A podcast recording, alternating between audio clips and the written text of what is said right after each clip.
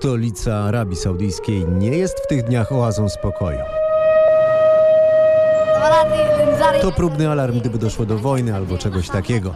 Tak mówi uczeń na ulicy Riyadu. Dziś wielkie pieniądze i wielki świat kręcić się będzie wokół śmierdzącej mazi, która od ponad 100 lat powoduje, że leje się krew i powstają też wielkie fortuny. To trzeci odcinek mojego podcastu o pieniądzach i władzy. Jeśli Wam się podoba, subskrybujcie.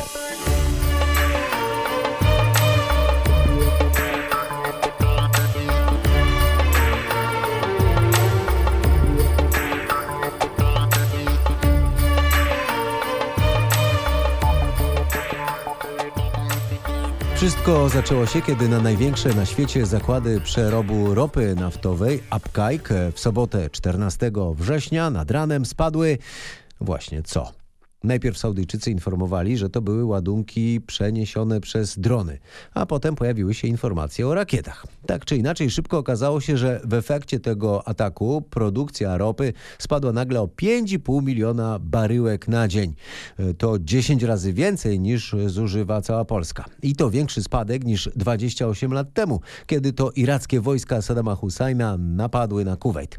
Tak jak wtedy ubytek produkcji ropy odpowiadał 20 części całej światowej produkcji. Do tego ataku z ubiegłej soboty przyznali się rebelianci z Jemenu. Saudyjczycy toczą z nimi mało znaną światu wojnie, w której zginęły już jednak dziesiątki tysięcy ludzi. E, Jemeńczycy wspomnieli przy tym, że dziękują za pomoc pewnym szlachetnym Saudyjczykom. W każdym razie rebelianci e, z Jemenu się przyznali, ale w Stanach Zjednoczonych od razu wskazano na Iran. Jednoznacznie szef dyplomacji Stanów Zjednoczonych Mike Pompeo oświadczył. Uh, Myślę, że to bardzo jasne i w regionie jest całkowita zgoda co do tego, że dokładnie wiadomo, to Iran stał za tym atakiem. Nie słyszałem tutaj od nikogo, żeby poddawał to chociaż przez chwilę wątpliwość. Takich mocnych słów e, użył szef amerykańskiej dyplomacji, czyli sekretarz stanu Mike Pompeo po wizycie na Bliskim Wschodzie, po wizycie w stolicach zaprzyjaźnionych krajów. E, w połowie tygodnia e, Saudyjczycy pokazali na dowód tych słów fragmenty zniszczonych rakiet i zdjęcia i to wszystko właśnie miało dowodzić, że rakiety pochodziły z Iranu i nadleciały nie od strony Jemenu, ale przeciwnie od strony północnej. Dzień później doświadczony reporter amerykańskiej telewizji CBS, który kiedyś był mm, oficerem e, amerykańskiej marynarki wojennej, a później przez wiele, wiele lat korespondentem w Pentagonie i który e, podczas wojny w Iraku uzyskiwał ekskluzywne informacje dotyczące działań amerykańskiej armii, mm, ten dziennikarz podał, że teraz e, amerykańska armia dysponuje jakoby nagraniem, które wskazuje, że to irańska Gwardia Republikańska stała za atakiem. W odpowiedzi na to wszystko, na te oskarżenia y, ze Stanów Zjednoczonych, irańscy przywódcy zapewnili, że nie chcą wojny, ale są na nią gotowi. To Arabia Saudyjska, to Emiraty, to Ameryka, część krajów europejskich i reżim sionistyczny. To oni zaczęli wojnę w regionie. Tak oskarżeniem na oskarżenie odpowiadał prezydent Iranu Hassan Rouhani. Swoją drogą miał pewnie na myśli wśród tych y, krajów europejskich nieprzychylnych Iranowi również Polskę, która kilka miesięcy temu była gospodarzem konferencji irańskiej, czy jak to woli antyirańskiej. Prezydent Hassan Rouhani dodał zresztą zdanie, które może sugerować, że tak naprawdę nie chodzi tutaj tylko o dominację energetyczną, nie tylko o ropę. Na poważnie zaczyna się walka przeciwko dominacji amerykańskiego dolara, która powinna doprowadzić do zmniejszenia władzy Ameryki na rynkach finansowych i w światowym systemie bankowym. Sam prezydent Stanów Zjednoczonych, ten w gorącej wodzie kąpany Donald Trump, w tym wypadku okazał się być ostrożny. Zwykle rwie się przecież do Twittera. Tym razem jednak nie skomentował ataku w Arabii Saudyjskiej przez długie godziny a dopiero w środę zapowiedział, e, jaka będzie jego odpowiedź. Zapowiedział, że to będą tylko sankcje ekonomiczne przeciwko Iranowi i ocenił przy okazji, że wojna w Iraku nie wyszła wcale Ameryce na dobre. W piątek ogłosił te sankcje. Ich celem jest e, Bank Centralny Iranu. E, Donald Trump dał przy okazji do zrozumienia, że wiele osób sugeruje mu, żeby zastosował jednak rozwiązanie siłowe. Posłuchajcie. The easiest thing I could do Najłatwiejsza rzecz, jaką mógłbym zrobić, choćby teraz jak tu jesteście, powiedzieć ruszajcie chłopcy do boju i to byłby bardzo zły dzień dla Iranu. To najłatwiejsze dla mnie, takie łatwe. Ale dla wszystkich tych, którzy mówią, o, trzeba to zrobić, to wybrać, słaby. Ja uważam, że jest inaczej, bo najłatwiej byłoby mi powiedzieć, dobra, zaczynajcie, zdejmijcie tam 15 najważniejszych obiektów w Iranie. Mógłbym tak zrobić, bo wszystko jest przygotowane. Wszystko jest przygotowane. Ale nie zamierzam tego zrobić, jeśli mi się uda. Przekonałem e, do tego, co myślę wiele osób, są zaskoczeni, ale są też bardzo zadowoleni. Inni mówią, zrób z nimi porządek. Poczekajmy. Mogę to zrobić w każdej chwili, bo to zajmie minutę. Mogę to zrobić nawet teraz. I będziecie mieć fajnego newsa. Tak swoje zdanie przedstawiał dziennikarzom prezydent Stanów Zjednoczonych.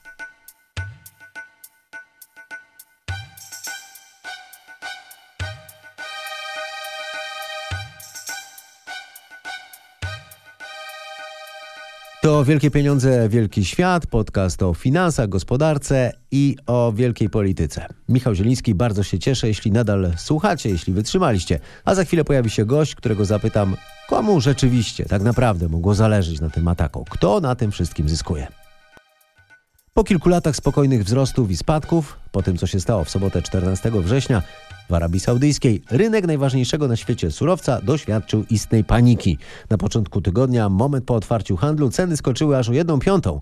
Dlaczego aż tyle? Najmocniej od wielu, wielu lat o to zapytałem eksperta do spraw energetyki i stosunków międzynarodowych Wojciecha Jakubika. Nie wiadomo było, jak długo potrwa naprawa szkód, które mogły ograniczyć eksport części ropy i produktów ropopochodnych z Arabii Saudyjskiej. Dopiero po jakimś czasie, gdyby uszkodzenia były długotrwałe, rzeczywiście mielibyśmy także długotrwały skutek rynkowy i oddziaływanie na cenę ropy, dopóki rynek nie wiedział, że uszkodzenia da się usunąć do końca mhm. września, ta cena była wyższa. Teraz obserwujemy spadek w tak, okolicach na 60 takie dolarów. obawy, że to, że to potrwa ta naprawa mimo uspokajających komunikatów z Arabii, będzie się odbijać na produkcji przez wiele, wiele tygodni. Ale w połowie tygodnia się okazało, że to wcale nie jest tak źle i że większość już tej produkcji jest, że tak powiem, zreperowana. No ale ropa nie spadła do poziomu sprzed tego ataku. Dlaczego? Mamy cały czas do czynienia z eskalacją napięcia na Bliskim Wschodzie, któremu zwykle towarzyszy wzrost ceny baryłki, ponieważ rynki obawiają się e, dalszego rozwoju sytuacji, biorą pod uwagę możliwość interwencji wojskowej. Gdyby zastosować taką metodę dochodzenia kryminalnego, komu na tym zależało? Kto najwięcej na tym zyskiwał? A kto tracił? To jakby ta lista wyglądała? Znaczy eksperci do spraw bezpieczeństwa podkreślają przede wszystkim jedną rzecz, że technologia wykorzystana przy ataku, czyli wyszukane wielkie drony, nie, mogły być, nie mogła być wykorzystana przez aktora niepaństwowego, to znaczy rebelianci y, z Jemenu nie byliby w stanie wykorzystać takich dronów, nie mają ich, one nadleciały z określonego kierunku i to już daje pole do spekulacji, czy był to Iran.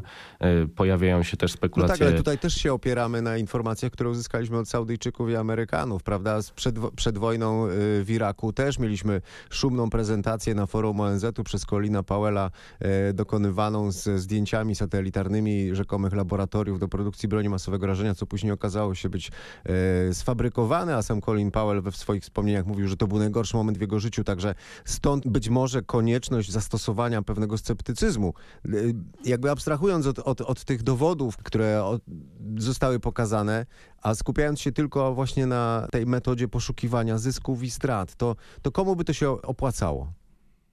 Są ludzie w Stanach Zjednoczonych i w Izraelu, którzy prą ku wojnie z Iranem. Jest to grupa mniejszościowa, która może jednak dochodzić do głosu przed wyborami, na przykład y, w Izraelu, czy y, też y, może być pod wpływem lobby wojskowego, na przykład w Stanach Zjednoczonych. Jest to mniejszość, ponieważ większość polityków zachodnich raczej zmierza do zastąpienia obecnego porozumienia nuklearnego, które nie działa, bo wyszły z niego Stany Zjednoczone jakimś innym układem, być może na całkiem innych zasadach, ale jednak jakimś porozumieniem multilateralnym i ci, można powiedzieć, ekstremiści e, w polityce względem Iranu nie są w stanie przekonać e, Stanów Zjednoczonych, nawet pod wpływem lobby na przykład izraelskiego, do tego, żeby doszło do interwencji. Warto też wziąć pod uwagę, że tutaj mamy do czynienia z licytacją, e, z próbą sił Do tego dochodzą inni aktorzy, którzy także mogą być zainteresowani destabilizacją sytuacji. Mamy Rosję, która zyskuje od razu, e, podkopując wiarygodność dostawcy ropy, jakim jest Arabia Saudyjska. Arabia i Rosja to są tacy przyjaciele i wrogowie naraz, bo z jednej strony współpracują w ramach porozumienia o ograniczeniu wydobycia w krajach OPEC, a z drugiej strony rywalizują o rynki ropy. No i problemy konkurenta na rynku ropy na pewno są na korzyść Rosji. Na pewno y, rosnące napięcie w relacjach z Iranem jest na korzyść Benjamina Netanyahu, który może przegrać niebawem wybory w Izraelu. Na pewno e, ci, którzy chcieliby wojny y, w kręgach generałów amerykańskich, także cieszą się z tego rosnącego napięcia, ale e, pragnę powtórzyć, że wygląda na to, że oni są i tak w mniejszości. No właśnie Donald Trump, który ostatecznie ma tę, że tak powiem, wojenną wajchę w ręku, e, no jasno daje do zrozumienia, że nie jest zwolennikiem e, siłowego rozwiązania. Wspomniał o wojnie w Iraku, pytając, co właściwie z tego przyszło Ameryce, ale też od czasu wojny w Iraku wiele się zmieniło, jeśli chodzi o rynek ropy. Stany Zjednoczone bardzo potrzebowały Bliskiego Wschodu, prawda? Jeszcze jakiś no, w czas latach temu. 70. XX wieku w ostatnich latach. Tak, jeszcze w XX wieku, w latach 70., problemy na Bliskim Wschodzie kończyły się kryzysem naftowym i kolejkami na stacjach paliw w Stanach Zjednoczonych. Natomiast rewolucja łupkowa, która zaczęła kiełkować jeszcze w latach 80., właśnie po tym kryzysie naftowym, e, rozwinęła skrzydła na początku XXI wieku, teraz już jest w rozkwicie i ta rewolucja łupkowa powoduje, że Amerykanie nie są już tak zależni od ropy z Bliskiego Wschodu, wręcz stają się eksporterami ropy tak zwanej łupkowej. Donald Trump w okresie kampanii prezydenckiej i potem już po przejęciu y, sterów w Białym Domu mówił o tym, że amerykańska polityka względem Bliskiego Wschodu będzie y, bardziej swobodna z tego względu, że Amerykanie nie muszą się już oglądać na ropę saudyjską i powiem więcej, właściwie cały świat nie musi się tak bardzo oglądać na cenę baryłki z tego względu, że generalnie na świecie mamy nadpodaż, mamy coraz więcej producentów dzięki rozwojowi technologicznemu, czyli właśnie tej rewolucji łupkowej.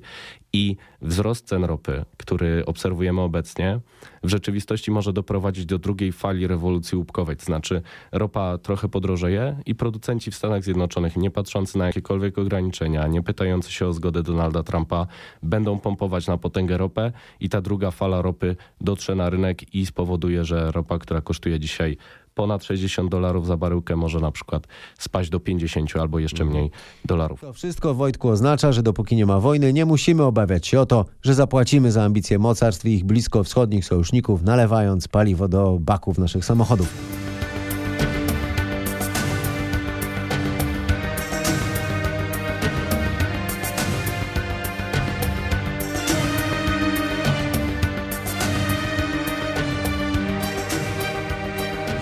Wojnie, to Arabia Saudyjska jest prawdziwym militarnym mocarstwem. Jest krajem uzbrojonym po zęby. Wydaje horrendalne prawie 10% swojego PKB na zbrojenia. Dla porównania przypomnę tu, że Donald Trump w kółko potępia sojuszników z NATO, oprócz Polski, którzy nie są chętni, by wysupłać wymagane choćby 2% PKB na obronę. A wracając do Arabii Saudyjskiej, ponieważ Saudyjczycy są bogaci dzięki ropie, to owe 10% PKB w tym roku odpowiada według szacunków Międzynarodowego Instytutu Studiów dla Pokoju w Sztokholmie 80 miliardom dolarów. E, to oznacza, że Arabia Saudyjska po Stanach Zjednoczonych i Chinach jest trzecią potęgą wojskową na świecie e, i te wydatki mm, saudyjskie na zbrojenia są, na armię są większe niż rosyjskie. Broń kupują głównie od Amerykanów, mają najnowocześniejsze systemy wykrywania i niszczenia nadchodzących zagrożeń. Jednak jakimś cudem drony czy rakiety przedarły się przez systemy za miliardy dolarów. E, Saudyjczycy tłumaczą to tym, że rakiety leciały bardzo nisko. Zajrzałem do opisu e, jednego z tych najnowszych systemów obronnych, Counter Fire Target Acquisition Radar. Tak się nazywa. I działa 360 stopni w poziomie, 90 stopni w pionie Zatem tłumaczenia o nisko lecących rakietach brzmią jak żart, przynajmniej dla mnie laika, ale może to niewykluczone. W każdym razie no, to marna reklama dla amerykańskich systemów. Zresztą Rosjanie zaproponowali od razu sprzedaż swoich antyrakiet y, do Arabii Saudyjskiej. Czy ktoś może wspomniani na początku szlachetni Saudyjczycy pomógł w tym ataku? Odpowiedzi pewnie nie poznamy, ale pytać zawsze można. To wszystko na razie. To Wielkie Pieniądze, Wielki Świat. Subskrybujcie. Niedługo w moim podcaście opowiem o czymś, co może sprawić, że ropa w ogóle stanie się ludzkości niepotrzebna. Pozdrawiam i do usłyszenia za tydzień.